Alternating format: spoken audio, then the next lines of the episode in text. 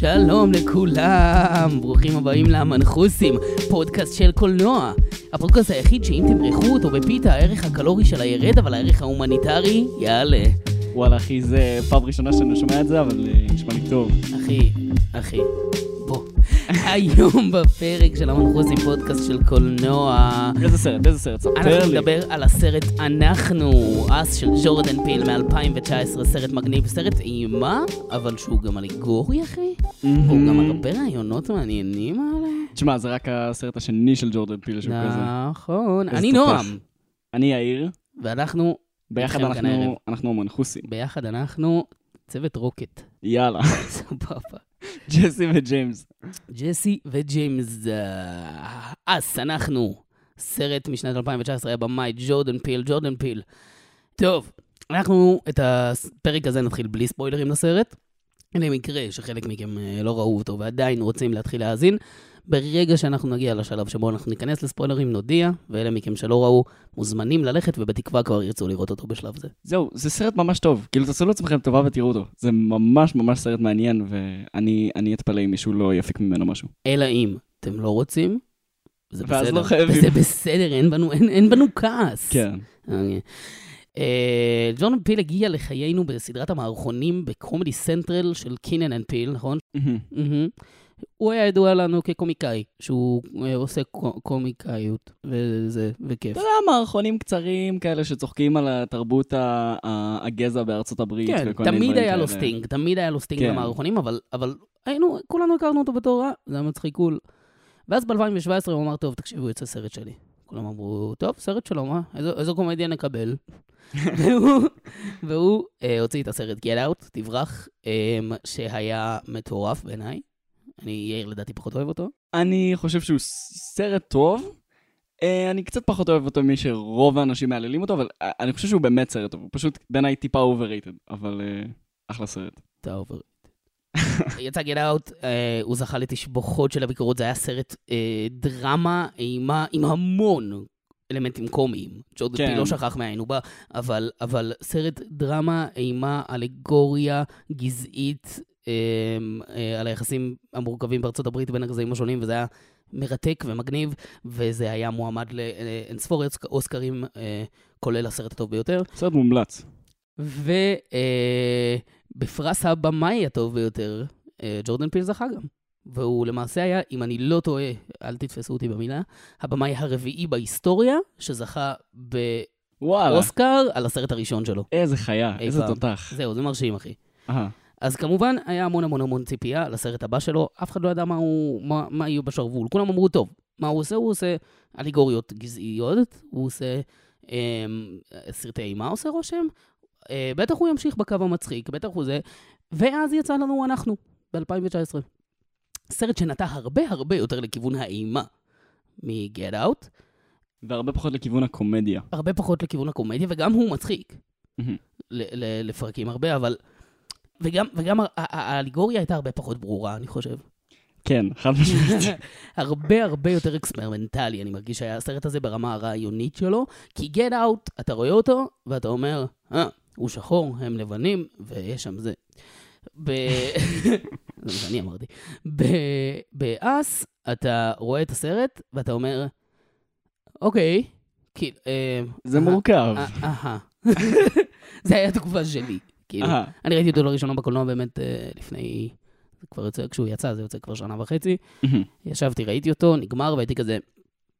אני מרגיש שהייתי רוצה להבין יותר מה הוא רוצה. אז uh, חשבתי על זה המון זמן. ויש לך את זה? אני לא יודע, אני, יש לי הרבה רעיונות. הרבה רעיונות זה טוב. אני אשמח לשמוע. מגניב.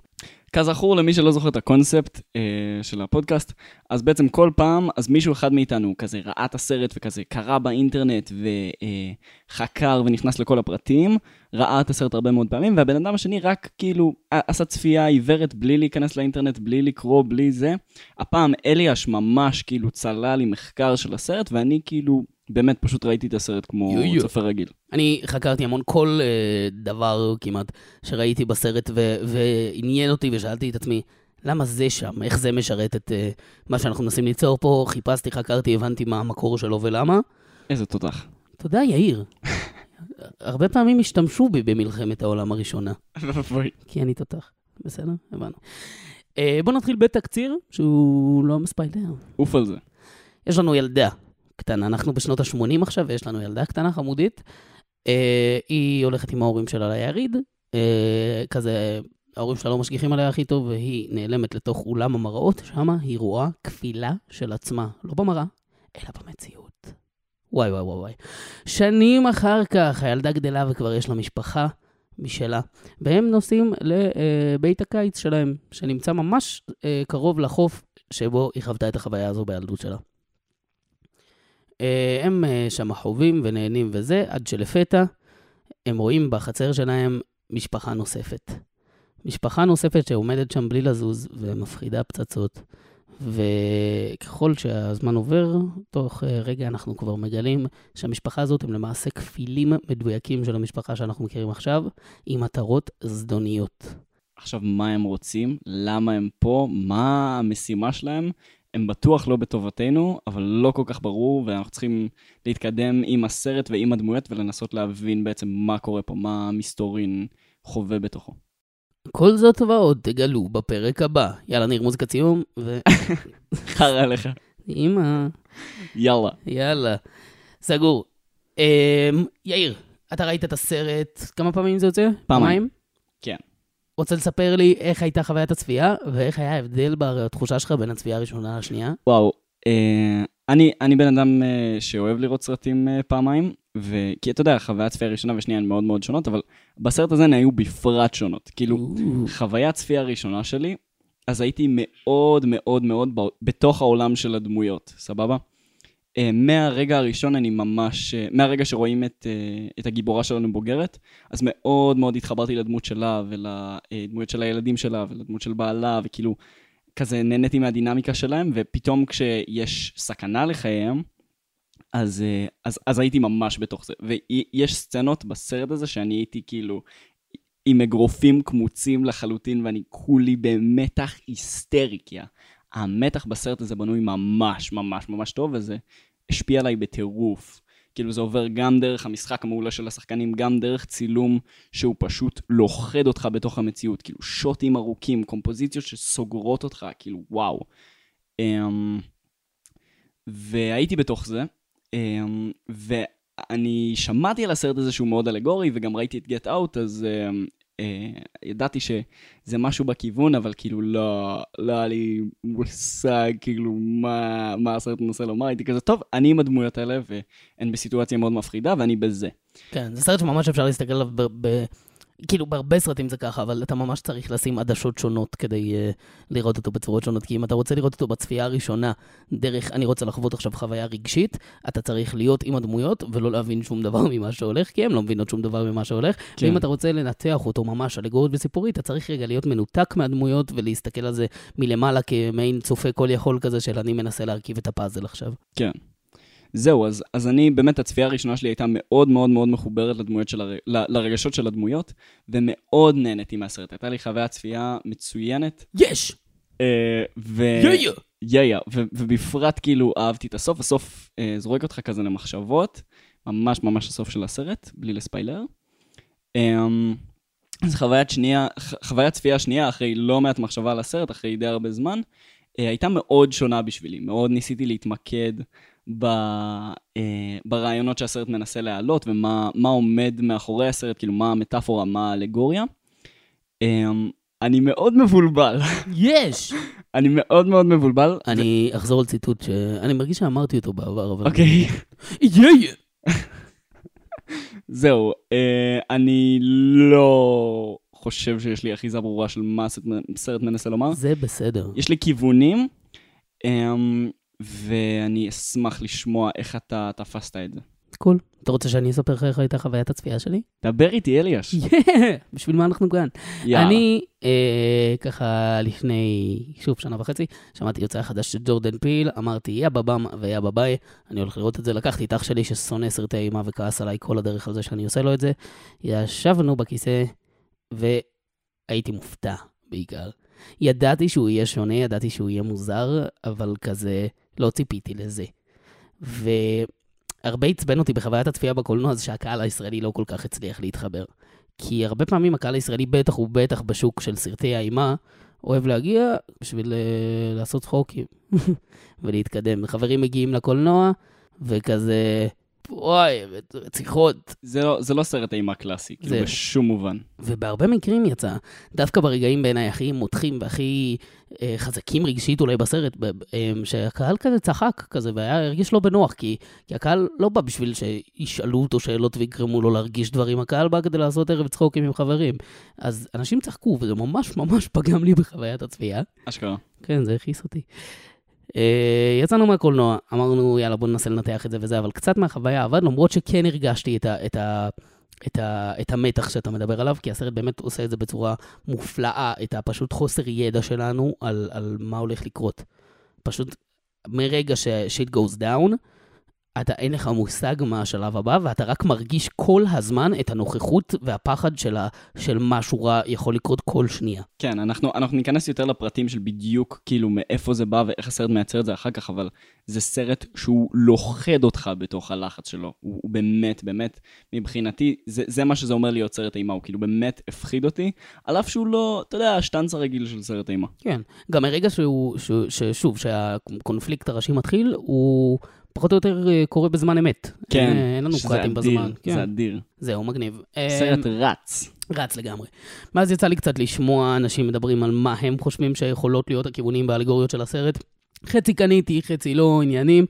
אה, אמרתי, טוב, הוא מעניין מספיק, והאקלים הנוכחי בארצות הברית אה, מספיק מעניין כדי לדבר עליו. אה, ו... אקטואליה? מה? מה זאת אומרת? אף אחד לא שמע על זה. מה? ואמרתי, יאללה, אני רוצה שנדבר עליו. ראינו אותו שוב, אני ואתה יחד, ונהניתי ממש. את ה, את ה, דווקא את, ה, את הלחץ באמת הרבה פחות הרגשתי הפעם. אה, באופן אישי, יכולתי להרגיש אותו אובייקטיבית בקטע של, אני מזהה פה יצירת תחוש, תחושת לחץ בצורה טובה. אה, אבל- כן, זה, זה גם היה החוויה שלי בפעם השנייה. כן, אבל לא הרגשתי אותו בעצמי, כי ידעתי בדיוק מה הולך לקרות, אבל הסתכלתי על זה בעיניים של האלגוריה ובידיעה מראש של הטוויסט, ולהסתכל על הסרט כשאתה יודע את הטוויסט, וזו חוויה שונה מאוד. כן. זהו. וזה היה מגניב, אהבתי את זה, ויאללה, אחי. אתה רוצה שניכנס ל... למיין, מיין, זהו, מיין... זהו, בואו, מ- מפה נראה לי זה ספוילר לנד, אוקיי? כל מי, ש... כל מי שלא ראה את הסרט, לכו תעשו את זה, זה סרט פאקינג טוב. כן, חבר'ה, תהנו. Welcome to Spoilerland. אוכלוסייה, אתם. יאיר, דבר איתי. מה נראה לך הסרט הזה? על מה, על מה אתה חושב שהוא? אוקיי. רעיונות, אחי. Um, הסרט הזה מאוד מאוד עוסק um, ב, ב, בעיניי באיזשהו עניין של, uh, אתה יודע, ה-upper class וה-lower class, סבבה? כן, כאילו זה- פיזית. כן. מבחינת ה... ה... אתה יודע, יש... נראה לי שהסרט מתעסק באלגוריה שקשורה במעמדות כלכליים גבוהים ונמוכים. והוא כאילו... אמ, הוא... יש לך אנשים שפיזית חיים מעל אנשים אחרים, שהאנשים ה... שחיים למעלה לא מודעים לאנשים שלמטה, אבל אנשים שלמטה מודעים לאנשים שלמעלה ורק רוצים לעלות. חיים רק בשבילם גם. כן. ויש לך, יש לך אה, מרד, אנשים שמורדים ומנסים לשנות את המערכת החברתית-כלכלית אה, כדי ל- להיטיב לעצמם, כי הם חווים חיים מאוד מאוד מאוד קשים. אה, אתה, כשאתה אומר אנשים, אתה מתכוון כולם. כאילו, יש עכשיו תנועה. כן, יש תנועה. של כל, כל המעמד הכלכלי. יש תוכנית, כל הלמטה אמרו, יאללה, הפיכה. כן, כן. זהו. מי, מי שפה כבר ראה את הסרט, אז אה, כן. אבל מי שלא, אז, אז באמת החבר'ה ש... אולי נסביר את הרעיון מה מי שלא, לכו. לכו, זהו, כן, כן. אוקיי. Um, אז באמת כל האנשים שחיים למטה עושים את ההפיכה הזאת, והם באים ומתחילים לרצוח אנשים. אני חושב שעוד אלמנט מאוד רלוונטי, זה העובדה שיש לך את הקשר. Uh, כל בן אדם יש לו את הכפול שלו, כן. שהוא בדיוק זהה לו, um, ש... שעולה מלמעלה לרדוף אותו באיזשהו מובן. Um, בדיוק מה זה אומר, אני לא בטוח. זה, אני חושב שג'ורדן פיל מנסה... Um, אתה זוכר בעצם שהיה בכיתה א' אה, ביסודי כל מיני uh, תולים כזה, לוח ערכים, הערך החודשי וכל מיני דברים כאלה כזה. הו, כן. רעות, עזרה הדדית, דברים כאלה. אני זוכר את החודש של הרעות, הוא היה מאוד משמעותי בעיניי. אז כאילו קפץ לי עכשיו לראש המשפט בקטע קצת מצחיק, אבל נראה לי שזה רלוונטי לסרט כזה. האחר הוא אני. זה כזה, מין משפט כזה... אה, תמיד שנאתי את המשפט הזה. באמת- משפט מעצבן, כי האחר אחר הוא הוא... האחר, האחר הוא אחר, הוא לא אני. הקטע. בגלל הקטע? זה- אבל ג'ורד, אבל, אבל יש מורכבות ויש היגיון מאחורי למה אומרים את המשפט הזה, גם אם הוא כן. פשטני קצת בפני עצמו. כאילו לומר, בן אדם שהוא שונה ממני, בן אדם שהוא אחר ממני, בן אדם שאני מסתכל עליו ואני אומר, "א- אני לא יכול להזדהות איתו. רוב הפעמים אני אוכל להבין אותו. כאילו שנינו אנשים, שנינו רוצים לשמוח, שנינו רוצים לחיות חיים טובים. אה, וג'ורדן ביל ו- פיל בא ואומר, החבר'ה האלה שאנחנו רואים אותם שהם, שהם כאילו עוינים לנו, הם בעצם אנחנו. הם, הם משקפים אותנו, ואין אין בינינו באמת הבדל מהותי. מהמם. אני, אני חושב, כן, הרבה פעמים אני ראיתי, ריאלי. ודווקא את זה אני, אני שואל את עצמי איך, איך, איך, איך אפשר לראות את זה בצורה בהירה, אבל, אבל את, ה, את ההסתכלות של, אה, אה, אה, שהסרט כזה מראה לנו את, ה, את האויב שבתוכנו כזה. ש, שההסתכלות שלנו על, על, על מי שנגדנו כ, כמשהו שמגיע מתוכנו, אני יודע מה, משהו, וואטאבר. אז אני, אני יכול להבין למה שידברו על זה, אבל אני, אני תוהה כאילו, אוקיי, אתה אומר, סבבה, אז האויב הוא מבפנים, אבל איך זה, כאילו, איך זה קשור לסרט? כן, לא יודע. אני, אני חושב שזה פחות זה. לא. לדעתי הוא מנסה ליצור קישור בינינו לבין אנשים שנראים לנו עוינים ולא קשורים אלינו, ובפרט כזה אה, ל- לחבר אה, בתפיסה שלנו בין המעמד החברתי הכלכלי הגבוה והנמוך מבחינת כולנו בני אדם, לכולנו יש צרכים. חזק. תודה. אבל, אבל אני מאוד מבולבל. לא, בסדר גמור. טוב, אתה רוצה אה, שאני, שאני ארוץ? כן. יאללה, אני רץ. רק בוא, בוא, בוא שנייה נזכיר מה הטוויסט. אה, אוקיי, אוקיי, אוקיי. בוא רגע, אוקיי. אמרנו ספוילרים, אז אנחנו מתקדמים בעלילה. אנחנו מגלים למעשה, אה, לאורך הסרט, שלכל בן אדם בעולם יש אה, כפיל כזה, לא רק למשפחה הזו, וכולם כרגע במסע לרצוח את הכפילים של עצמם, אה, כדי כביכול להחליף אותם. בסופו של דבר, המשפחה שלנו עושה רושם, אנחנו לא יודעים, אולי, אולי לא, אבל, אבל עושה רושם שהמשפחה שאנחנו עוקבים אחריה הם בעצם הארבעה היחידים בעולם שנשארו בחיים והצליחו להרוג את הכפילים שלהם ולא ההפך. לא, לא, לא בהכרח. יש, לא את, בהכרח. יש את המסוקים למעלה, מי, מי במסוקים? אוף. בסדר, הדמויות היחידות שאנחנו מכירים. כן, הרבה מאוד אנשים נרצחו. כן, אנחנו מסיימים את הסרט בזה שאנחנו ככה, המשפחה נוסעת ברכב לעבר הלא נודע לעולם חדש שהם לא מכירים ומפחיד מאוד, אמ, אבל לפתע אמ, אנחנו נזכרים בפלשבק האחרון באותו אירוע שהיה אז לפני שנים, ואנחנו מגלים שלמעשה הכפילה שלה, ש- של הילדה, של הגיבורה של הראשית. הגיבורה הראשית אותה היא פגשה, למעשה החליפה איתה מקום. למעשה היא אלפה אותה עם העין, לקחה אותה ל, ל, ל, למקום שממנו היא מגיעה, ויצאה במקומה החוצה לעולם האמיתי, מהמם. הגדול. ובעצם כל הסרט הזה, הגיבורה שלנו שאנחנו ראינו, הייתה הכפילה. של מי שראינו בהתחלה. כן, ולא הילדה שנולדה ב, ב, כאן למעלה על פני כן. השטח. עכשיו, בצפייה ראשונה אני לא קלטתי את זה, אבל uh, ברגע שהסתיימה, אז- ואז פתאום התחלתי לחשוב על זה ו- ולהבין שבעצם היא, היא הייתה כפילה כל הזמן, אז הבנתי ש... Um, ה... אוקיי, יש להם, יש להם שמות בקרדיטים, כאילו ה... ה... האישה הלבושה באדום, שמשוחקת על ידי לופיטה ניאנגו, כאילו הכפילה שהיא בעצם הילדה המקורית, כאילו קוראים לה רד, אני אקרא לה רד. מהמם. אז רד היא הכפילה היחידה שמדברת. נכון. כל, כל שאר הכפילים הם צווחים, נואמים. הם לא יודעים והם- הם לא, הם לא, הם לא חייתיים. באמת, כן.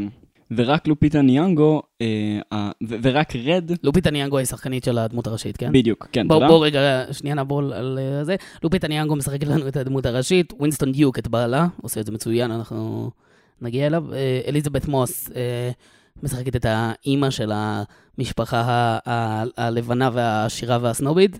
אה, אלה שלושת השחקנים שבא לי לציין, כולם עושים עבודה מצוינת, אבל, אבל אותם בא לי לציין בהכרח. כן. יא. זהו, אז, אה, אז רק היא מדברת, וזה בעצם כי היא הייתה בעולם שלמעלה. ונגיע תכף נראה לי לדיבור אחר כך, כי יש לי גם רעיונות על זה. קול. אוקיי, מעולה. טוב, the way I see it, דבר איתי. כל הסרט, כמו שג'ורדן פיל אוהב, הוא ביקורת אחת גדולה של ה... בוא נקרא לזה החלום האמריקאי ושברו. בוא נדבר על זה, לסרט קוראים US. כן, אני הבנתי את זה עכשיו. אני התחלתי לכתוב לעצמי אה, פתקים ל, ל, ומחשבות לקראת הפרק הזה, ואני כותב אס בלמעלה, ו- ואז אני כזה, אה, וואו, זה United States. כן, כן. בדיוק. לסרט קוראים US, United States. כשאתם, כששואלים את, את, את המשפחה ה-tethered, את המשפחה שמלמטה, מי אתם? התשובה המצוינת היא, We're Americans. זה היה נעים, יאיר, לאוזניים שלי. תודה. כל הסרט הזה הוא, הוא הסתכלות על, על מה ארצות הברית, איך ארצות הברית נראית היום בצורה, ב, ב, באלגוריה. אנחנו מסתכלים על, על... אמ, בעצם יש לנו כאן שתי שכבות מאוד ברורות, נכון? כמו שאמרנו. כן. יש לנו חצי מהעולם שחי אה, חיי תענוגות ו- והללויה ו... בתי קיץ ונופש. בתי קיץ ונופש וסירות פרטיות. וסירות פרטיות, וחצי מהעולם שצריך לחיות, להיות חיות, לא להצליח לדבר, לאכול ארנבים חיים כאילו הם דובים ביער, ו, ו, ובשבילם לעשות את זה, ויש לנו פה ממש הקבלה ברורה של דואליות של על כל בן אדם. ש... ו- ו- וזו אמירה ל upper class בארצות הברית. תכלס, וואו. זו אמירה ל upper class בארצות הברית. כל בן אחד מכם שחי את החיים שלו בכיף בבתים הפרטיים שלו ובזה, יש בן אדם אחר שאתם דורכים עליו ושחי חיים נוראים, כי, כי, כי לכם יש. אז לא בהכרח אין. וואו. כן. וואו, סיכמת את זה ממש יפה. כאילו, ממש הנקודה האחרונה הזאת. דרך אגב, יש לנו המון המון רמיזות בסרט ל- לרעיון הזה של הדואליות. המון המון אה, סממנים שחוזרים, אלמנטים שחוזרים בסרט, הם הסתכלות על שני דברים שהם בדיוק אותו דבר, שיוצרים יחד שלם. לדוגמה? החזרתיות על המספר 11. יש לך את אחד ואחד, ויחד עם המספר עצמו הם בדיוק אותו דבר, ויחד הם יוצרים את המשהו הגדול יותר. יש לך את המספריים. שזה שני דברים שהם בול אותו דבר, שאתה מחבר אותם יחד, ורק אז הם מקלי. יש לנו את השיר on it, אוקיי? השיר it, אוקיי. שהם מדברים עליו, הוא שיר על אה, בחור שמעוניין לרכוש אה, שקית סמים שעולה 10 דולר, אבל יש לו רק 5. אז הוא, אוקיי. אז הוא מעוניין לקנות אותה, וגם שם אני רואה את זה, אחי. שתי שקיות? של החמש, זה 10, תזרום איתי. יאללה, את זה. זהו, והמוטיב הזה של הדואליות, וה, ועל כל בן אדם, אחי, יש את הבן אדם האחר שאתה דורך עליו, הוא מעניין, אבל יותר מעניין, לדעתי, הסר, איך שהסרט מתייחס למקום של השחורים בתוך כל זה. אוקיי, זה- זהו, היה- הייתי בטוח שג'ורדן פיל יעלה את זה וירצה לדבר על זה, אבל אני- אני לא הצלחתי לפרש את זה. סגור. ההיסטוריה השחורה בארצות הברית מאוד קשה. כן, ארצות הברית הוקמה והוחלט להביא אליה מקולוניות בריטיות אה, פשוט לחטוף אנשים מאפריקה ולהגיד, אתם עכשיו פה עכשיו, בארצות הברית, והמטרה שלכם בחיים זה להיות רכוש של האדם הלבן ולעשות בשבילו מה שצריך. אהלן, חלק מהפרטים ההיסטוריים שנאמרו בפרק לא מדויקים עד הסוף, אז אני כאן כדי להשלים את העובדות. העבדות של אפריקאים חטופים, כמו שאנחנו מכירים אותה היום מההיסטוריה של ארה"ב, התחילה לתפוס תאוצה סביב שנת 1600, שזה עוד הרבה לפני ההקמה וקבלת העצמאות של ארה"ב, שזה בערך 180 שנה אחר כך, ב-1776. העבדות הייתה כוח עצום לכלכלה האמריקאית בתקופה הזו, כי היא פשוט אפשרה המון המון המון עבודה, והפקה של תוצרים שדורשים עבודה פיזית, בלי שיצטרכו לשלם אפילו שקל למועסקים. אתה פעם אחת משלם עליהם על שהם יהיו הרכוש שלך, ומאותו רגע אפס. בגלל שזה היה כל כך כלכלי, נוצר מצב שאפילו שבאופן ברור העבדות הייתה בלתי מוסרית לחלוטין, ותוצר אלים של גזענות עמוקה, היא נמשכה המון המון המון המון המון שנים, גם כשכבר התנגדו לה, ובעיקר בדרום ארצות הברית, במשך בערך 260 שנה, עד לשנת 1865, שהייתה מלחמת האזרחים האמריקאית, אה, שלינקולן היה הנשיא, ו- והקונפדרציה וכל הסיפור המוכר הזה, ששם באופן רשמי הסתיימה העבדות, אבל התחילה ההפרדה הגזעית. המשך האזנה נעימה. והשחורים כביכול אמרו להם, טוב, אתם לא עבדים יותר, תתמודדו. עכשיו, איזה יופי שהם לא עבדים יותר, אבל מה עכשיו? אנחנו, אין לנו כלום. אנחנו אכולים טראומות, אין לנו שום רכוש, ואנחנו צריכים להתמודד בעולם.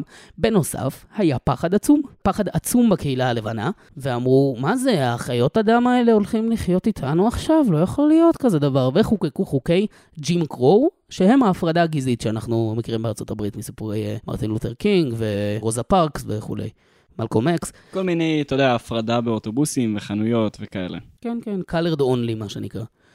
Uh, ושוב, נוצרו קהילות שחורות שמאוד מאוד מאוגדות תחת העובדה של אנחנו הקורבן, ובצדק. ומאוד מאוד ה... נוצר uh, התרבות שלהם, שהיא תרבות ההוד, אתה יודע, ותרבות ה-fuck the police, והתרבות המחתרתית של, ה- של המדינה לא אוהבת אותנו, זאת המדינה שלנו, ועם זאת אנחנו טפילים על הגב שלה. ככה, ככה אנחנו מצטיירים. בצורה שבה כאילו. הם מסתכלים עלינו, כן, נוצר דיסוננס נוראי בתחושה. שוב, אני אומר את זה כאדם לבן בישראל, אני, זה, זה ממה שלמדתי על אנשים שמדברים על זה. אהה, בשנות ה-60, אני חושב, או תחילת ה-70, ההפרדה הגזעית חוקקה מחוץ לחוק. וכביכול אמרו מעכשיו, אה, שחורים, לבנים, אה, ללא הבדלי אה, דת, גזע ומין, מה שנקרא. אבל ההיסטוריה הזאת היא לא משהו שאפשר לשכוח. ואני רואה בסרט הרבה ביקורת כלפי המשפחה. כי המשפחה, למעשה, יש המון ביקורת עליהם, על שהם בחרו אה, כאילו לשכוח. כאילו להתמסר לתרבות הלבנה, להגיד יאללה, גם אנחנו בתי קיץ, יאללה, גם אנחנו זה, ולא מבינים שגם בתוכה אין להם באמת את המקום. אני רואה את זה כל הזמן במקום של, אה, לדוגמה, ההשוואה של כל הזמן בין המשפחה שלהם לבין המשפחה הלבנה של חברה שלהם. כל הזמן הוא אומר, כן, יש לי סירה, הנה, אני חלק מהסירון העליון, אתם רואים? אבל כל הזמן, כן, אבל הסירה שלך פחות טובה. אתה יודע את זה. כן? אין לך זיקוקים על הסירה. אין לך זיקוקים על הסירה. שדרך אגב, הזיקוקים זה טאץ' נחמד, כי בסוף הזיקוקים שווים שיט, אחי. וואלה, תכלס. הזיקוקים לא עושים כלום בזמן האמת, וזה, ויופי שהשווצת על הזיקוקים כפרה, אבל, אבל בכוונה יש לנו סצנה בסרט שמטרתה להראות כמה הזיקוקים לא שווים שיט. וואו, לא שמתי לב לזה. כן. אה, וכל הזמן יש, יש, אה, יש את ההסתכלות הזאת על, על שלנו טוב יותר, אנחנו, התרבות הלבנה, אתם יכולים לבוא להיות חלק מאיתנו, אבל כאילו, אוקיי. לדוגמה, אני רואה את זה, מקום מגניב שראיתי את זה, שמתי לב שיש לבעל, לגייב, על החולצה, אה, סמל של אוניברסיטת האווארד, לא הרווארד, האווארד. אה, חיפשתי מה זו אוניברסיטת האווארד, וגיליתי שזו אוניברסיטה אה, לאפרו-אמריקאים בארצות הברית. אשכרה. כן. עכשיו, מה זו אוניברסיטה לאפרו-אמריקאים? זה להגיד, בכיף, בואו תהיו חלק מההשכלה הגבוהה שלנו וכולי, אבל אצלכם. כן, יש אמ, בזה משהו מאוד רקוב. כן. אני מרגיש שזה בהמון מקומות בסרט, המון המון ביקורת על המשפחה הזאת, על, על כזה קצת שכחתם מאין באתם. על כל ה- הח- התרבות השחורה בארצות הברית ש, שמעיזה להיות חלק מה, מהחבר'ה שגרים מעל האדמה. שכחתם מאין באתם, התמסרתם לזה ואתם שוכחים על האנשים שאתם דורכים עליהם למטה, ופעם זה הייתם אתם. זהו. את, ה, את הדבר הזה אני רואה בכל מיני מקומות של, אה, לדוגמה, בתחילת הסרט, אנחנו בקרנבל, נכון? והילדה רוצה את הפרס, הפרס שהיא רוצה זה חולצה של סרט אימה כזה? חולצה של ת'רילר, אוקיי. השיר של מייקל ג'קסון. אה, לא הבנתי שזה ת'רילר כמו השיר שלו, אוקיי. או, ומייקל ג'קסון זה? בדיוק הסמל של של בן אדם שמנסה... בדיוק. מייקל ג'קסון הוא הבן אדם שמנסה להשיל ממנו את כל העול הפיזי, איך שהוא רואה את זה, והתרבותי של להיות בן אדם שחור, ואומר, לא, אני לבן עכשיו, תקבלו אותי בבקשה. כן. כן. Um, אז זו דוגמה טובה לזה. Um, כל הסרט ההשוואה באמת בין, בין שתי המשפחות, בין, ה, בין ה... אתם יכולים להיות חלק מאיתנו, אבל כזה טיפה פחות, בסדר? זהו. הם אז, תמיד מנותקים מהם. כן. יש הרבה מקומות שיש בהם תחושה שיש uh, התכחשות uh, של המשפחה ל, ל, לרקע השחור שממנו מגיעים. לדוגמה, שוב, אני אחזור לשיר uh, uh, Put a five on it שהם שומעים ברכב. ששוב, זה שיר שנוצר מתרבות ההוד הזאת, מתרבות ה... אנחנו אה, אה, נרדפים, ולכן אנחנו יוצרים אה, אה, סיסטמה שהיא נוגדת משטר ונוגדת אה, ממשל, ו- ו- ובגלל זה בעצם מתחיל גם תרבות השימוש בסמים בשכונות האפרו-אמריקאיות, וזה שיר אה, כזה, זה שיר שמגיע מחבו אפרו-אמריקאים על, על התרבות הזאת ש- ש- שממנה חיים. ואז הילד כזה, אה, שמעתי שזה על סמים. כזה, לא, לא, זה לא על סמים, מה הקשר סמים? שמים לו אצלנו. זהו, שמים לו אצלנו. זו התכחשות מסוימת, כן? אמ, אני, אני אגיד לך מה, אני חושב שאני פשוט תופס את זה קצת שונה ממך. אני, אני מבין שכנראה שזה באמת מה שהסרט מנסה לומר, אבל כזה, אני, חשוב לי לצד הקול הזה להשמיע גם קול, אה, קול נגדי, שאומר, אתה יודע, כאילו, נכון, היו דברים, ההיסטוריה היא קשה, ההיסטוריה היא כואבת, יש הרבה הפרדה גזעית בארצות הברית ובהרבה מאוד מקומות בעולם, אבל אנחנו כן גם רוצים לתת את האפשרות לאנשים, אתה יודע, ל- להיות מי שהם בוחרים להיות, ולא רק, אתה יודע, מי שהם נולדו להיות. נכון. אני חושב ש... שה... לומר אבסולוטית, כאילו, אם אתה בוחר לחיות את החיים שלך לא לפי מה שאתה סטריאוטיפית מונח שתהיה לפי הגזע שלך, אם אתה עושה את זה, זה, זה לא בסדר, כאילו, יש בזה משהו גם רקוב קצת לומר. כן, יש בזה משהו של טינה פשוט. זה גם טינה, אבל זה גם, זה גם בחווייתי איזשהו סוג של גזענות. כלומר, אם אתה מגזע מסוים, אתה חייב להיות סוג מסוים של בן אדם.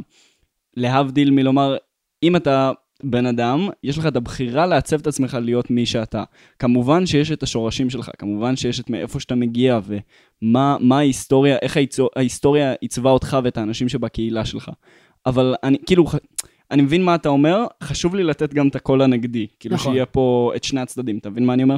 כן, במקרה הזה, אבל באמת אני רואה שפשוט יש פה... הסרט לחלוטין מדבר על מה שאתה אומר, שכנעת אותי. כאילו לא חשבתי כן. על זה קודם, ווואלה שכנעת אותי. יש פה הסתכלות פשוט על, ה, על הצורה של, כן, אוקיי, אתה לא, אתה לא בחרת להיוולד למקום הזה שהגעת ממנו, אבל, אבל זה המקום שהגעת ממנו, וזה המקום ש- ש- ש- שסבות סבותיך הגיעו ממנו, ו, ובלי זה לא היית כאן, וזה משהו שזה, בין אם בחרת ובין אם לא, זה היסטוריה שאתה משתייך אליה, בדיוק כמו שאנחנו צאצאים, אני לפחות אה, צאצא לניצול שואה. אה, לי, לי אין אה, ניצולי שואה ניצחתי! במשפחה. יש לי חבר'ה שברחו מהשואה במשפחה. אבל נייס. לא, לא, לא היו אז הם. ניצולים לגמרי, אחי. במובנים ניצלו מסוימים. מהשואה. הם ברחו בזמן. כן, סבא שלי לא. כמו שאנחנו, כיהודים אה, ממוצא אירופי, וגם כיהודים מכל המוצאים, לכ- לכל אחד מאיתנו היה את השיט שלנו, הפרהוד ומה שצריך, אני לא מנכס רק לנו את הקשיים האלה. כן. אבל כמו שאנחנו מגיעים ממקום כזה, ואין מה לעשות, אז אסור לשכוח ואי אפשר לשכוח, והמאבק הוא עדיין שלנו, אז המאבק הוא עדיין שלהם. כן, אני, אני, אני איתך, פשוט הרגשתי ש, שיש בי צורך, אתה יודע, להוסיף את הקול השני הזה. זהו. ואני אני חושב שזה חשוב גם לזכור שאתה יודע, בסופו של דבר אנחנו רוצים שבחברה שלנו תהיה אפשרות לאנשים לבחור להיות מי שהם רוצים להיות, ולא רק מי שהם מוכתבים להיות על פי, על פי הגזע שלהם. כאילו זה מין הפוך על הפוך כזה, שאתה יודע, מנסים להיות כבר אה, אה, צודקים ופוליטיקלי קורקט, ואולי באיזשהו מובן אתה מפספס פה איזושהי נקודה חשובה. אין ספק. עכשיו, בעיניי הסרט הוא, הוא מעין נבואת זעם אחת גדולה. הוא, הוא אזהרה כן. אחת גדולה, נכון? כן, כן. הוא, אני, אני רוצה להקריא לך, הרבה פעמים בסרט אנחנו רואים את הבחור עם השלט של אה, אה, ירמיה, פרק י"א פסוק Mhm. 11, בוא, בוא, בוא נקרא אותו. אחי. שעון שמראה 11, 11, כל מיני כן, דברים. כל הזמן 11, 11, ובוא נקרא את ירמיה, פרק אה, אה, י"א פסוק 11, זה הולך ככה. לכן כה אמר אדוני, הנני מביא עליהם רעה, אשר לא יוכלו לצאת ממנה, וזעקו אליי ולא אשמע אליהם. פה הוא מדבר על אה, חורבן בית המקדש, ויש פה, זה, זה 100% נבואת זעם. אתמול תשעה באב, לא? כן, וואו, אז אה, משהו פה, משהו פה מטורף. נייס. עכשיו, אתם יודעים מתי הקלטנו את זה? כן, אוי לא, איך גילית את הסוד הנורא. אהה. בכל מקרה, יש לנו פה נבואת זעם אחת גדולה. מהמם. על מה ספר ירמיה? אתה זוכר? או שאני אעזור לך? אה, אני זוכר שירמיה היה נביא זעם, נכון. אה, שהוא הוא היה נביא אמיתי, כאילו שהיה כן, בקשר הוא היה גם. הנביא, עושה רושם, אה, לפחות לפי דברי התנ"ך, הכי מסור לעבודה שלו בהיסטוריה. אז, אז אני לא ידעתי את זה, אני, אני פחות מכיר על ספר ירמיה.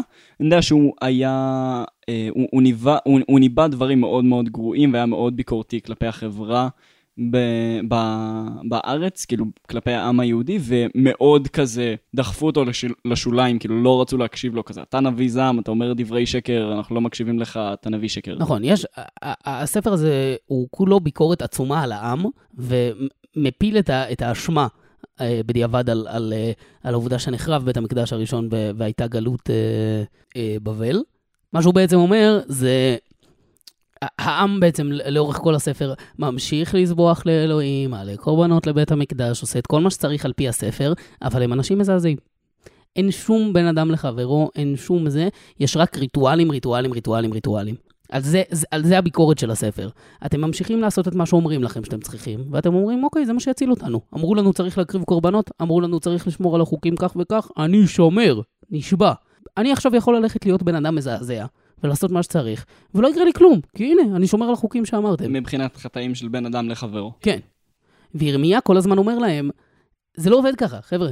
זה שיש בית מקדש ואתם מתפללים בו, זה לא אומר שלא יבוא האסון, אוקיי? אתם, אתם חייבים, אתם, אתם שוכחים למה, כן?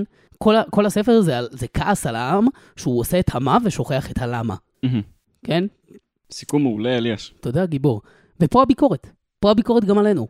אנחנו ממשיכים עם תרבות ה-PC שלנו, ואנחנו ממשיכים עם אה, לחיות כמו שצריך, וכן, וכולנו יחד, לבנים ושחורים וזה, והכל בסדר, אבל אנחנו שוכחים אנחנו שוכחים שיש פה מאבק, ואנחנו שוכחים לאן אנחנו חותרים, ואנחנו שוכחים חלק שלם באוכלוסייה שלנו.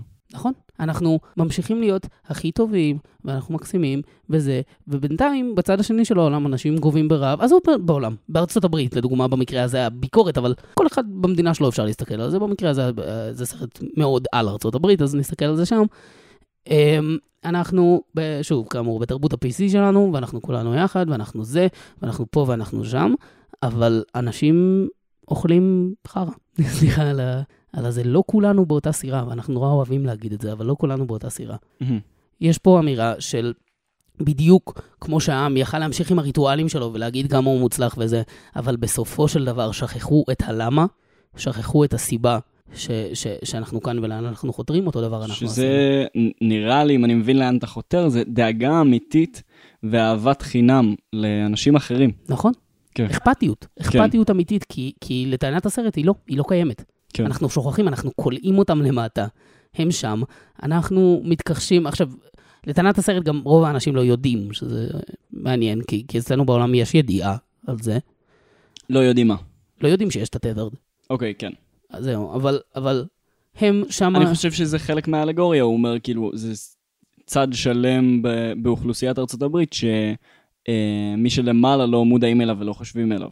לא חושבים עליו. זהו, והייתי אומר שהסרט הזה הוא, הוא נבואת זעם, ויש בו המון כעס והמון האשמה, ו...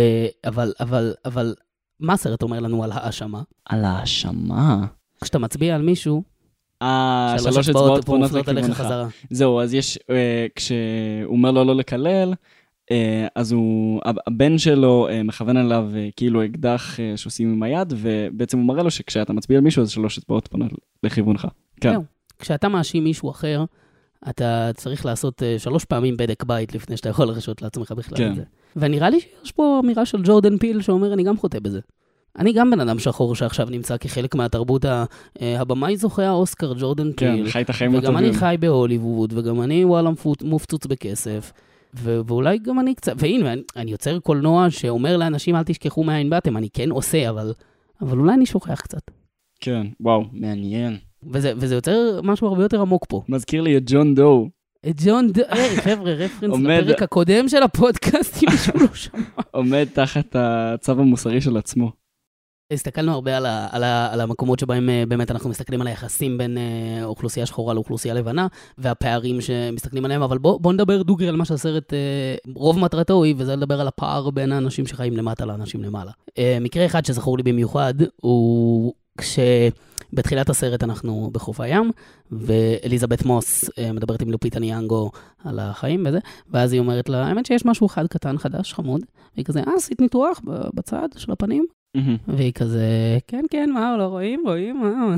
זה אמ, הדברים הקטנים שעושים את ההבדל הגדול. וואו. בהמשך הסרט מגיעה לנו אה, אליזבת מוס הטברד. והיא עומדת מול המראה, והיא חותכת לעצמה את הצד של הפנים בברוטליות, וזה הכל. זה הכל השאיפה שלה.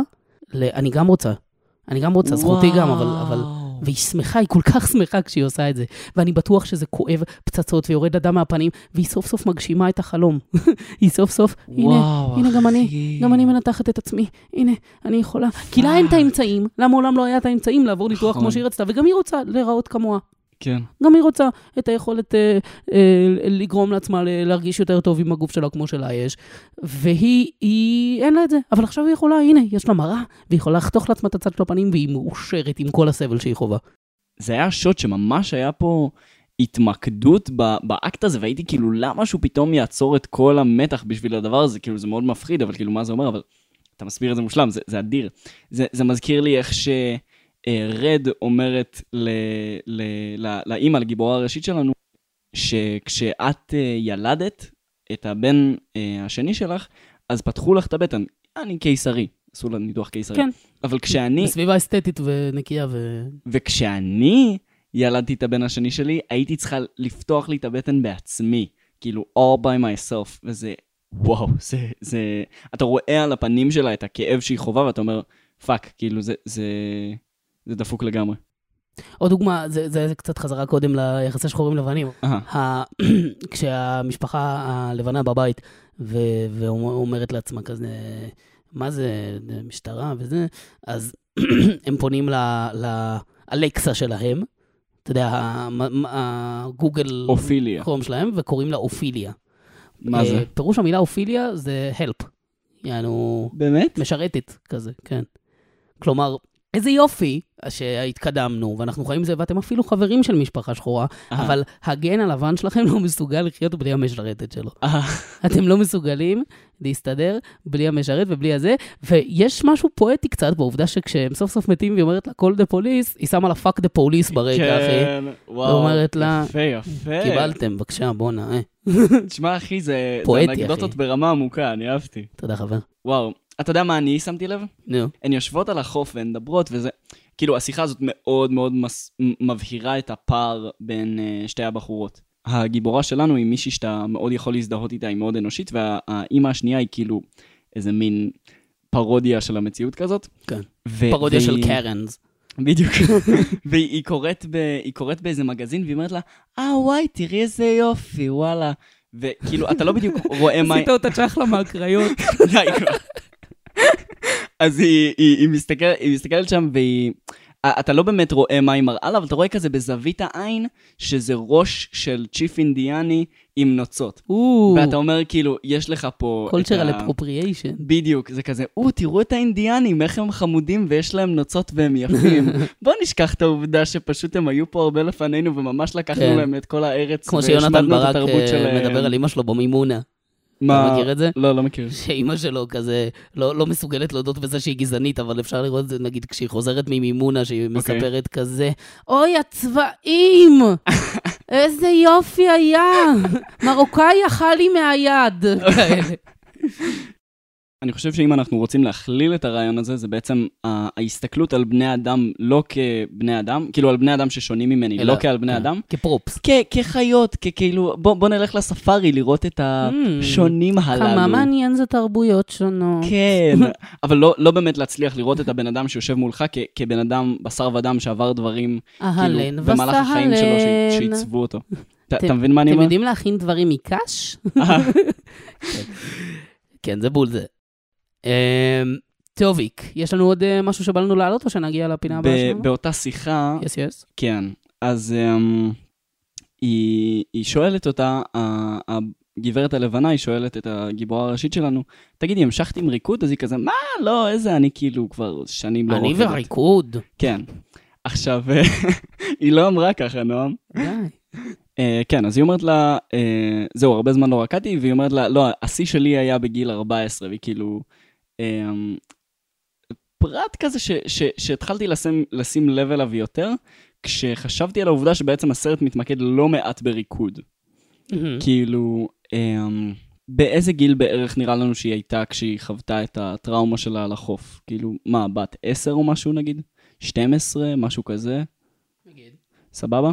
זה אה, משאיר לה בערך, אתה יודע, שנתיים-שלוש בין הגיל הזה לבין גיל 14. מה, מה, מה המשמעות של גיל 14? כאילו, הגעתי לגיל 14, זה היה השיא של הריקוד שלי. מהמם.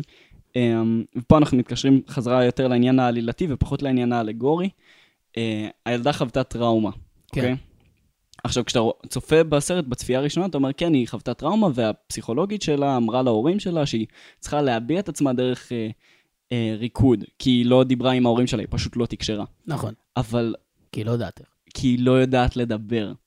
Um, והריקוד זה מין, מין פרט קטן כזה שאתה uh, יודע, היא התחילה לרקוד כדי להביע את עצמה, זה פיתח לה את היכולת לדבר, להבנתי. Um, זה כאילו חיבר אותה לעולם הזה, ו... ואז אתה יודע, היא, היא יכלה להשאיר את זה מאחוריה, זה היה מין כלי כזה בשבילה. ועכשיו, הריקוד הזה היה, אתה רואה שהוא דבר נורא נורא משמעותי בשבילה, כאילו היא מסתכלת על עצמה בראי כשהיא הייתה ילדה, והיא היא רואה את עצמה, היא, היא כאילו מדמיינת את עצמה כילדה, כשהם רק מגיעים לבית אה, נופש, והיא רואה את עצמה בבגדים של אה, ריקוד, והיא רואה את עצמה רוקדת, והיא כל הזמן חושבת על עצמה רוקדת, והרגע שבו הקבילה שלה, שרד הבינה שהיא כאילו נבחרה על ידי אלוהים לטענתה, כדי לשחרר את מי שלמטה, זה כשהיא הייתה רוקדת כי האיש שלמעלה הייתה רוקדת. נכון. ובעצם איכשהו ה- ה- ה- הריקוד שם נראה לי מסמל משהו ממש, אה, ממש עמוק, כי אחרת לא היו מתמקדים בו כל כך, אבל אני כאילו מרגיש שאני רק קצת נוגע בזה ולא באמת מגיע לזה. אז רציתי לשאול אותך אם חשבת על זה ומה מה הרעיונות שעולים לך מזה. לא חשבתי על זה בכלל. אהה, אה, אני באמת אה, לא... הייתי מודע לריקוד, אבל לא הסתכלתי עליו כאל איזה משהו זה לפני הסרט. ריקוד הוא מאוד אומנות של... אה, שוב, גופנית, היא לא דורשת, אה, היא לא דורשת שפה. נכון. זו אומנות ש, ש, שאתה...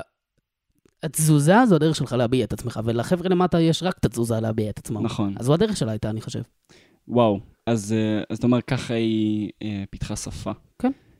אמ, ככה היא יוצרת תקשורת, כשהיא לא יודעת איך.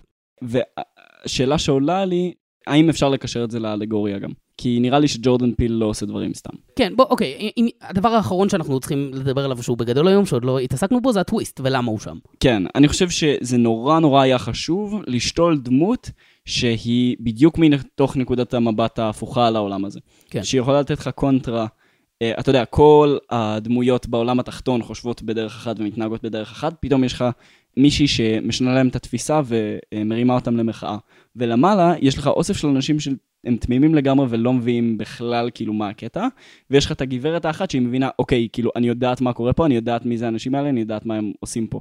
Uh, עכשיו, זה בתוך העלילה של הסרט, אבל בכלליות, הסרט נראה לי מנסה לחבר אותנו לתוך נקודות מבט הפוכות, נקודות מבט שונות, כאילו, בן אדם שאני רואה אותו שנראה לי שונה ממני, יכול להיות מאוד מאוד דומה לי, כאילו, הדברים האלה מתחלפים.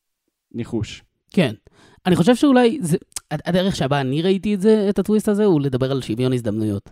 אוקיי. Okay. הוא לדבר על, על חוסר שוויון הזדמנויות, הוא לדבר mm. על העובדה שהנה, בן אדם שהגיע מהכלום ובן אדם שהגיע לזה, תן להם את הצ'אנסים אחד של השני, ותראה איך שניהם היו יכולים להיות זה, זה לא...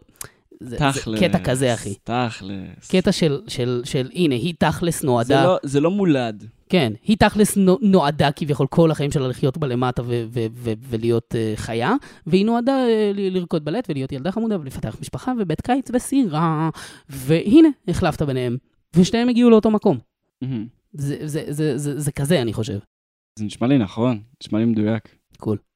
קול. יש, סגרנו את זה, אחי. סגרנו. ומבחינת הריקוד, יש לך רעיון? או שזה ריקוד, פחות שוב? איך הוא מתחבר לי לאלגוריה? כן, לדעתי הוא אמצעי אומנותי ממש טוב להעביר את זה פשוט. סבבה. אה, גם הסצנה שם עם הריקוד היא כן, קולית. היא חזקה מאוד. חזק מאוד. יאיר, אתה יודע מה השעה? מה- השעה? נראה לי השעה היא 6 וחצי ו-49 שניות. לא, לא, לא. השעה היא השעה רגע. למנחוס הזהב. או כן. אני נהנה. מנחוס הזהב. מנחוס הזהב. זה הרגע האהוב עליי, כן, זה אהוב הרבה. באמת. מנחוס הזהב של היום, אנחנו הולכים להגיש אה, פרסים במגוון נושאים שונים בסרט הזה. אה, אנחנו ניתן על ההופעה הטובה ביותר. אה, היא אולי obvious והיא אולי לא, אוקיי? Mm. על ההופעה הטובה ביותר, השוט שהכי אהבנו בסרט, הסצנה שהכי עשתה לנו את זה בסרט, וההריגה הכי מגניבה. כן, שבעיניי זה כאילו האחד החשוב, ועל השאר אפשר לוותר, אבל יאיר יתעקש. זה מה שהיה. טוב, אז uh, לפרס הראשון, אני אבקש מיאיר להתחיל, כי לדעתי שלא הבנאלי, כי הוא בחור בנאלי. אז אמרנו, מה ההופעה הכי טובה בסרט בעיניך, יאיר? ההופעה הכי טובה בסרט בלי שום צל של ספק בכלל, ואני יודע שאליאש לא מסכים איתי, כי... אני, אני לא, לא בהכרח לא מסכים איתך, אבל נגיע לשם. אוקיי. היא אה, לופיטה ניאנגו, קל. שמשחקת את הדמות הראשית בסרט, אוסקר סנאבד. אה, ממש. לא קיבלה אוסקר וחבל מאוד. לא קיבלה מועמדות. האוסקרים פשוט לא מוכנים ל- ל- ל- להתמודד עם העובדה שסרטי אימה קיימים. זה נכון. אם אתה מסתכל רגע על הסרט ועל הטווח הרגשי של מה שהיא מביעה בו, ושהדמות שלה חובה, זה פשוט לא יאומן. כאילו, כמה רגשות שונים היא מצליחה להחדיר שם, ולעשות אותם חזק ולעשות אותם עוצמתי. כאילו, אתה רואה אותה ברגעים שהיא אימא חמימה ואוהבת, ואתה אתה רואה את האהבה דרך העיניים שלה לילדים שלה, ואתה רואה אותה ברגעים שהיא כאילו תקועה בתוך הראש של עצמה, בתוך פוסט-טראומה, והיא היא, היא, היא חרדה לחלוטין, ואתה לחלוטין מרגיש אותה. ואתה רואה אותה ברגעים שהיא חיה והיא כאילו רוצחת, ואתה רואה אותה ברגעים של חמלה כלפי ילדים שהם אפילו לא שלה, משהו וואו, בעיניים, אחי. באמת, משהו באמת, בעיניים. אני לא, לא נוטה לומר את זה כשאני רואה סרטים, לרוב אני מתמקד בדברים אחרים, אבל אחד הדברים הכי בולטים בצפייה הראשונה שלי היה, לופיטה ניאנגו עושה את הסרט הזה. כאילו, היא כל כך, כל כך, כל כך טובה שם. ואני נורא התחברתי לדמות שלה. קיבלת. תודה. יאיר, תשאל אותי מה ההופעה הכי טובה בסרט? מה ההופעה הכי טובה בסרט, נועם? לופיטה ניאנגו. תשאל אותי מה ההופעה שאני הכי אוהב בסרט? מה ההופעה שאתה הכי אוהב בסרט? אליזבת מוס, אח שלי. וואלה. כן, אחי, איזה היא עושה שם דברים הזויים. היא מטורפת, אחי. היא עושה שם דברים fucking... היא כל כך טובה בלהיות. קרן, בלהיות כזה פשוט אישה מציקה ומגעילה, אבל, אבל, אבל יש לה תפקיד כפול, ולכל שחקן בסרט הזה יש כן. תפקיד כפול. כן. וכשהיא עושה את ה tethered שלה, פשוט המנעד הרגשי שאני קיבלתי בשוט האחד הזה, שהיא חותכת את עצמה בצד, וכל כך רוצה להיות ה... היא שהייתה יכולה להיות שם, וכואב לה, אבל היא, היא כאילו- מאושרת. היא בוכה ומאושרת באותו זמן בהחלפה של... כואב לה, כן. והיא מאושרת בגלל שהיא מסוגלת שיהיה לה כואב בצורה הזו. אה, וואו. וזה, וההופעה הזאת, עם כל הכבוד, ויש המון ללופיטה ניאנגו, ששוב, כבודך במקומך לומך, והסרט הזה הוא שלך. כן. הסרט הזה שייך לך, ההופעה של אליזבת מוס, במעט שהיא עושה שם, מצליחה לטלטל אותי, אחי. וואו. כן. אתה אומר, זה רגע קטן עם משמעות גדולה. כן, כמו שהיא אמרה על הניתוח. וואי, אני, אני לא שזה מאמין... הדברים הקטנים שעושים את השינוי הגדול. אה, לא, לא. נודר! אני, אני לא מאמין שכשניסיתי uh, לתת את הקייס ללומפיטה ניאנגו, בכלל לא הזכרתי אותה מבחינת התדרד שלה. רוצה? שלה מפחידה רצח. אחו שלי. כאילו, הכל, הקול שלה מזעזע. הקול שלה מזעזע, שם, שלום. כן, ו- והיא היא נורא נורא מפחידה, יש לה מין הליכה כזאת שהיא פשוט חרישית כזאת, והיא מתקדמת בעולם בלי להשמיע צלילים ומין, בלי אינטראקציה עם העולם החיצוני, כאילו מין טאץ' קטן כזה. אה, אבל אתה גם פשוט רואה המון כאב דרך העיניים שלה. כן. היא חוותה המון, והיא היא סבלה המון, ואתה לא בהכרח יודע את כל מה שעבר עליה, אבל יש לה פשוט עיניים ש... שחוו... שרואות את הכל מהכל וחיוך, אה, לא זוכר מה המשך השיר. שאני לא, לא יודע מה שראש שאתה מצטט, אבל עיניים ש, שרואים עליהן שהן חוו סבל וכאב, ואתה... הרי הסרט רוצה שתזדהה עם הצד הזה. וכשאתה רואה אותה ואת כל הסבל שהיא חוותה, אתה, אתה כאילו, אתה מזדהה איתה על אף שהיא מפחידה אותך. כן. זה הכל ביחד, וזה סופר מעניין בעיניי. מקבל, ושוב, אתה צודק, אבל רציתי לתת את הקייס שלי. לגיטימי מאוד. מה שוט התחברתי האהוב. עליך, יאיר? השוט האהוב עליי הוא לא שוט גדול כל כך, הוא לא שוט משמעותי כל כך, שכזה יזכרו אותו בהכרח כהשוט הכי בולט בסרט, אבל באופן מובהק, בשתי הפעמים שראיתי את הסרט, זה השוט שהכי הגניב אותי ברגע, והייתי כזה, וואו, זה פשוט שוט אדיר. Uh, זה ממש בתחילת הסרט, כשהילדה, שהיא הגיבורה הראשית שלנו, uh, שהיא לא הגיבורה הראשית שלנו, שהיא מסתובבת בתוך ה- החדר ההוא, חדר המראות, השוט מתחיל כשאתה רואה כל מיני השתקפויות שלה, והשתקפות אחת ראשית שאתה עוקב אחריה, שהולכת משמאל לימין. ההשתקפות הזאת מתקרבת, מתקרבת, ופתאום אתה מבין שזה היה השתקפות וזה לא היה באמת הדמות שלה. כאילו זה מין בלבול טוטאלי אה, על-חושי כזה שאתה לא מצליח לעקוב, כן. ופתאום היא מופיעה מימין לשמאל, היא הולכת וזה זה, זה מפחיד, זה בונה מתח, כאילו, אה, יש פה ערעור הגבולות בין מציאות ולא מציאות. ואז היא פתאום, היא הולכת, היא מתעכלת שמאלה עם הגב אלינו, והיא נתקלת אה, במישהי שנראית בדיוק כמוה, שהיא עם הגב אליה. ואז היא, היא מסתובבת אליה, אבל זה לא בתיאום אליה, היא לא השתקפות שלה, היא, היא בן אדם אמיתי בשר ודם. וזה מפחיד רצח, כי מה, מה זה אומר שאנחנו רואים בן אדם שהוא נראה בדיוק כמוני? זה פשוט אה, דרך מאוד מאוד יצירתית ומעניינת אה, ליצור אימה שהיא קולנועית. אתה יודע, אתה לא יכול לקחת את השוט הזה ולתרגם אותו לספר. זה, זה מהדברים שבוחנים את היחס בין ההכרה שלך למציאות, ש, שרק שני מדיומים יכולים ליצור, א' זה קולנוע, ב' זה סמי הזיה. אה, אמ, לגמרי, ואני אני נורא נורא אוהב כשקולנוע הוא מנצל את העובדה שהוא קולנוע. הוא לא כזה, טוב, אני הולך לספר סיפור שאני פשוט אצלם אותו דרך אגב. זה כזה, כן, אני הולך לצלם סיפור והוא יהיה, אה, הצילום ידגיש כאילו את, ה- את המשמעות של הסיפור שלי ואת מה שהוא מייצר.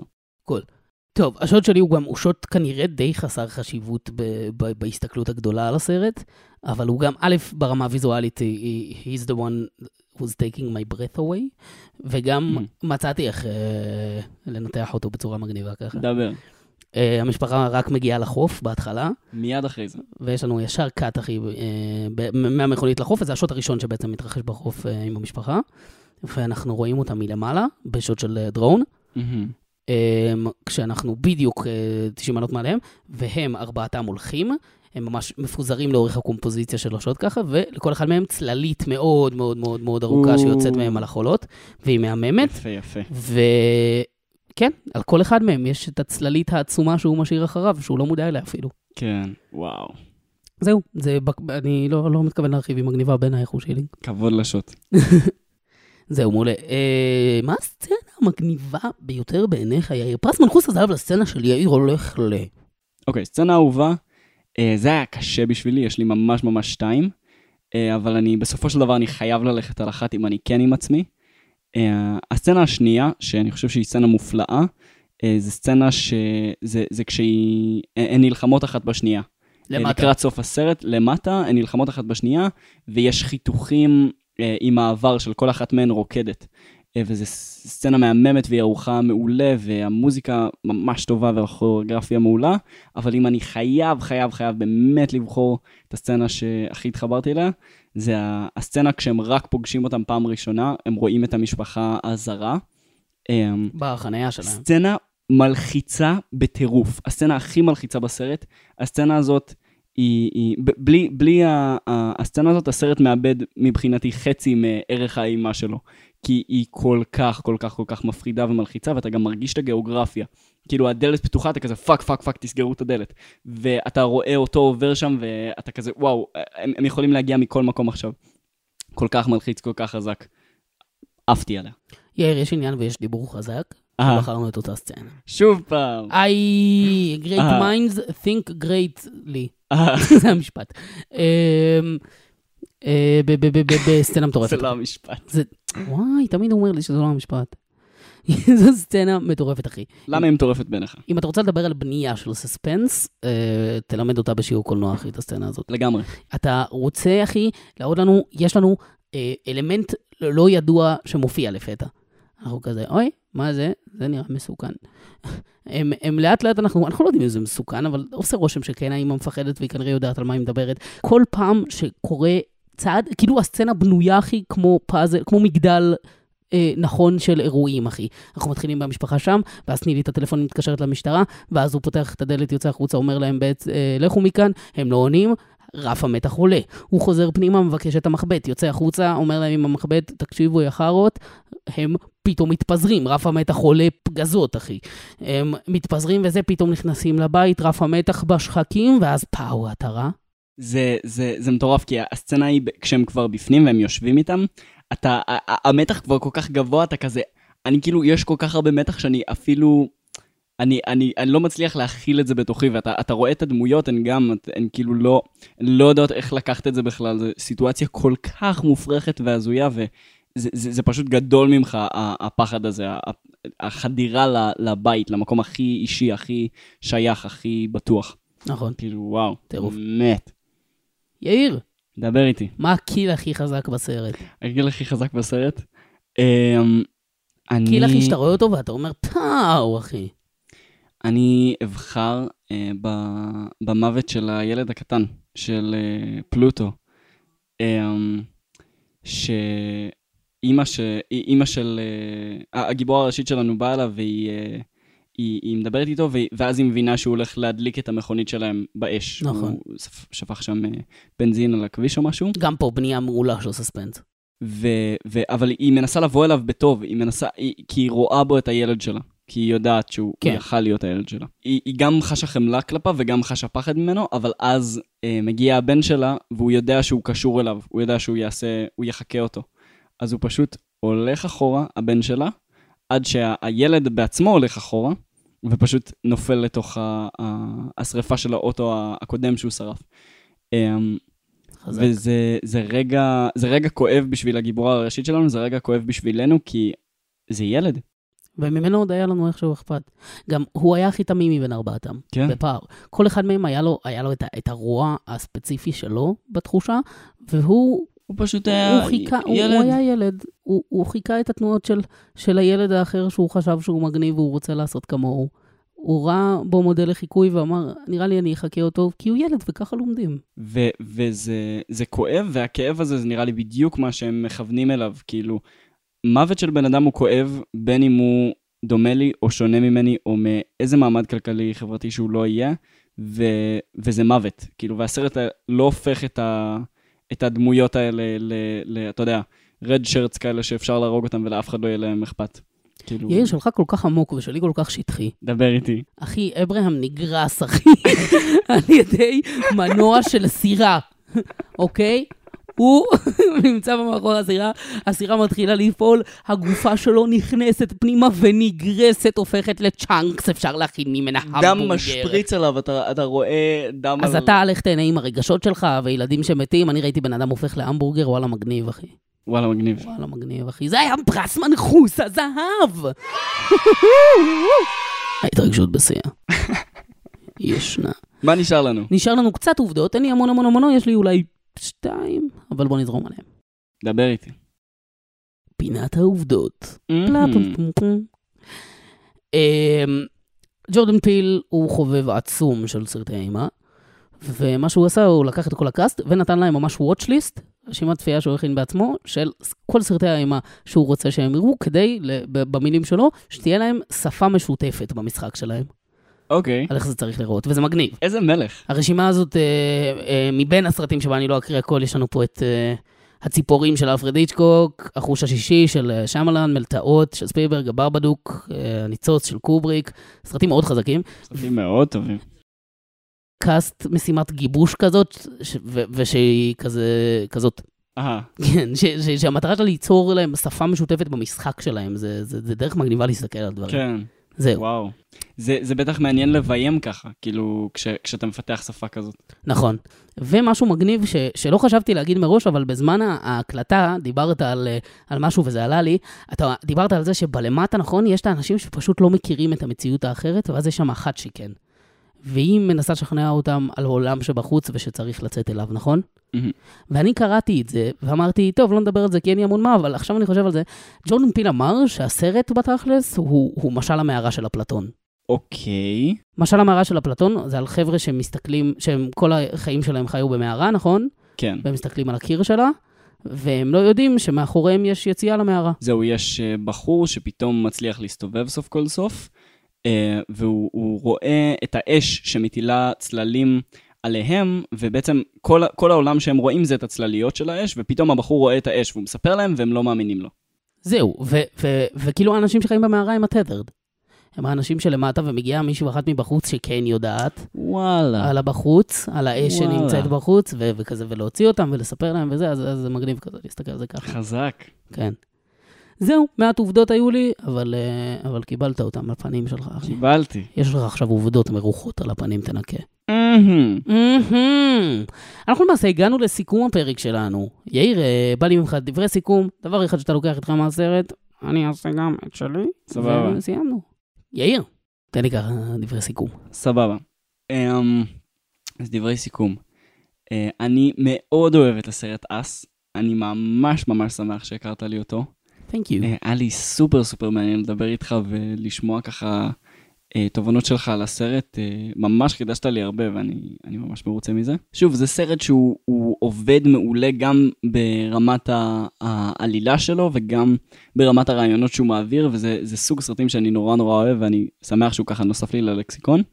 ואם אני חושב ככה מה אני לוקח ממנו הלאה, אה, וזה נראה לי משהו שחשוב לקחת הלאה בכלליות אה, מהרבה קולנוע טוב ובכלליות גם מהרבה אומנות טובה, זה שאומנות כאילו פותחת אותך ומקרבת אותך לחוויות תרבותיות שאתה לא חווה.